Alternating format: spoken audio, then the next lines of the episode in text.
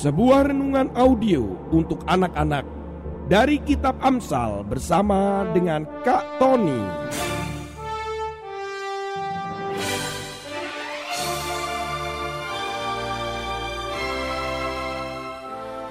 Audio inspiring message for kids. Selamat menikmati dan mendengarkan.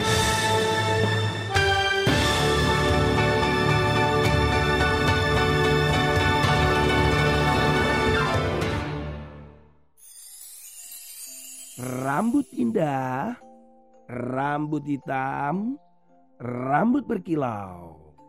Katanya sih, rambut ini mahkota kepala. Eh, mahkota manusia atau mahkota kepala ya? Ya, orang berkata bahwa rambut itu disebut sebagai mahkota. Jadi bagaimana kebersihannya, terus kemudian bisa berwarna hitam, bahkan bisa berkilau. Sangat bangga sekali ketika orang ini memiliki rambut. Di Indonesia sendiri, rambut sendiri bermacam-macam. Ada yang lurus, ada yang ikal atau keriting. Ada juga yang tipis-tipis ataupun tebal.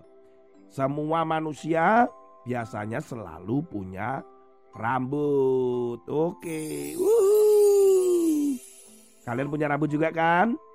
Kalau dipotong selalu berkata hati-hati pak, jangan sampai gundul.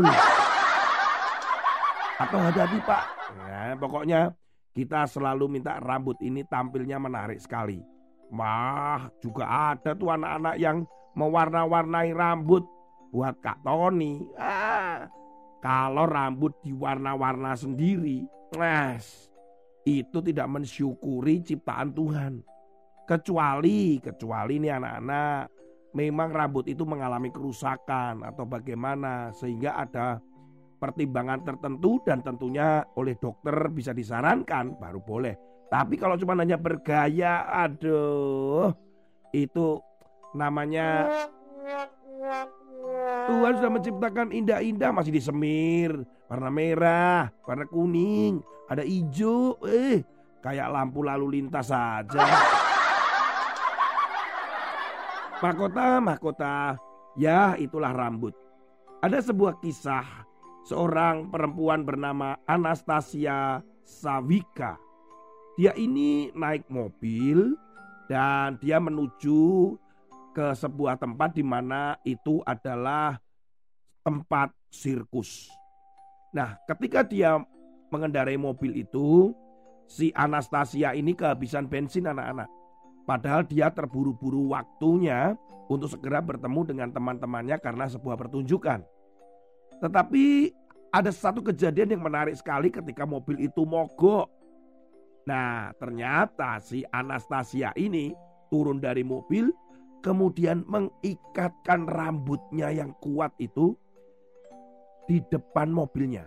Dan saat itu dia menarik mobilnya menggunakan rambutnya anak-anak.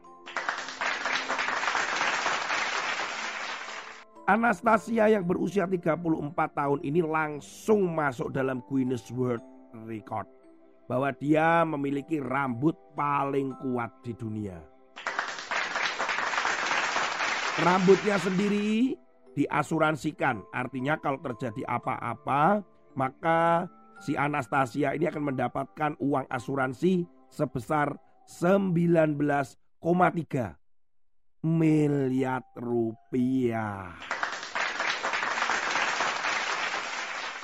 Anak-anak, kejadian di Inggris ini sangat menyita perhatian banyak orang. Karena sekaligus Anastasia sedang berkampanye atau sedang menceritakan bahwa pentingnya pengganti bahan bakar. Tapi ya bukan terus naik mobil ditarik rambut kita masing-masing. Kenapa sampai demikian? Karena Anastasia menganggap rambut itu mahkota yang indah. Di dunia ini saja anak-anak ada mahkota yang paling mahal di dunia.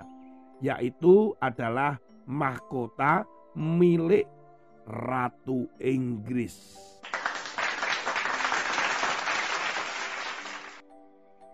Mahkota ini bertatahkan permata berlian yang sangat indah sekali.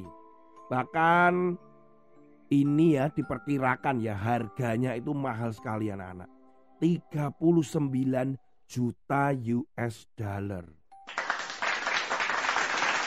Ya, itu kurang lebih ya berapa ya anak-anak ya? Waduh, berapa mil miliar miliar miliar miliar begitu ya kali ya. Anak-anak, mahkota itu disimpan dengan baik dan tidak boleh sembarang orang melihat. Kalau melihat di Inggris, maka itu hanya imitasi yang ada di museum. Tapi yang aslinya disembunyikan di tempat tersembunyi dan yang paling aman. Apa sih arti mahkota, mahkota, mahkota itu? Mahkota itu sebenarnya ya anak-anak itu diberikan kepada orang yang memiliki jabatan atau kekuasaan memang.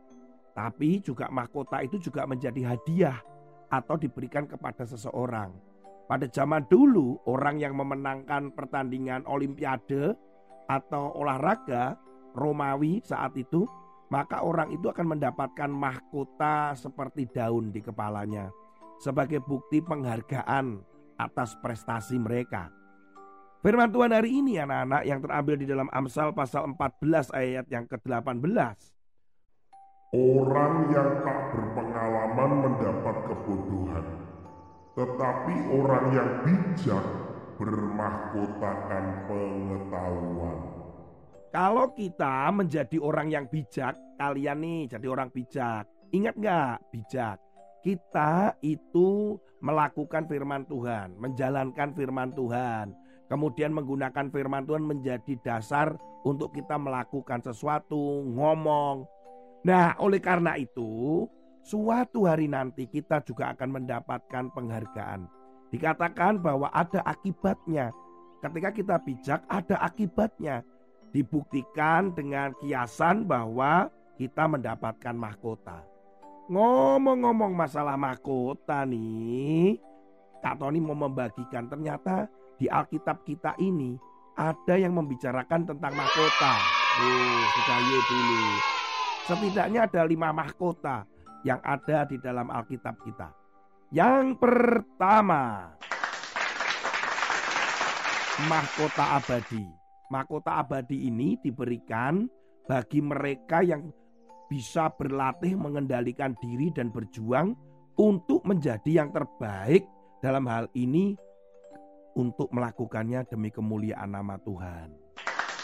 Namanya mahkota abadi. Itu ada di dalam 1 Korintus pasal 9 ayat yang ke-25. Ada lagi enggak Kak Tony? Ada. Yang kedua, mahkota kemegahan. Mahkota yang diberikan untuk orang yang berhasil memenangkan atau membawa orang lain untuk percaya kepada Yesus. Wah, kalau kalian banyak membawa jiwa-jiwa dan akhirnya temanmu itu atau siapa pun percaya kepada Tuhan Yesus, maka kalian akan mendapatkan mahkota kemegahan. Itu ada di dalam satu Tesalonika pasal 2 ayat yang ke-19. Sekarang yang ketiga, masih ada. Yuhu, mahkota kebenaran. Mahkota kebenaran diberikan kepada kalian, kepada Kak Tony dan orang percaya yang selalu merindukan kedatangan Yesus. Waduh, rindu nih Yesus kapan menjemput kami? Gitu. Nah, itu ada di dalam 2 Timotius pasal 4 ayat yang ke-8. Sekarang mahkota yang keempat. Mahkota yang keempat ini adalah mahkota kehidupan. Mahkota yang diberikan kepada kalian, kepada orang-orang percaya seperti Kak Tony dan kalian itu yang mampu bertahan, tetap mempertahankan iman, tetap percaya kepada Yesus, bertahan dari segala masalah, tantangan, kesulitan, percobaan, mas, pokoknya bertahan tetap setia. Maka akan mendapatkan mahkota kehidupan.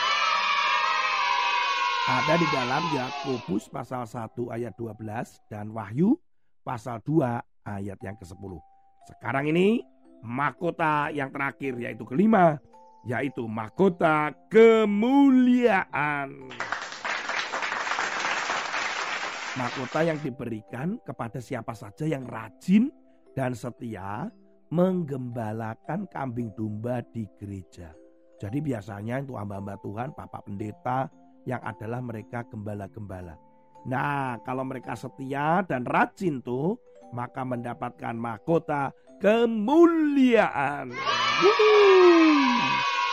Kak Tony rindu dapat ini nih karena Kak Tony juga menggembalakan loh anak-anak. Lihat di dalam 1 Petrus pasal 5 ayat 4. Juga kalian harus tetap setia ya. Nah anak-anak mau kan kalian mendapatkan mahkota?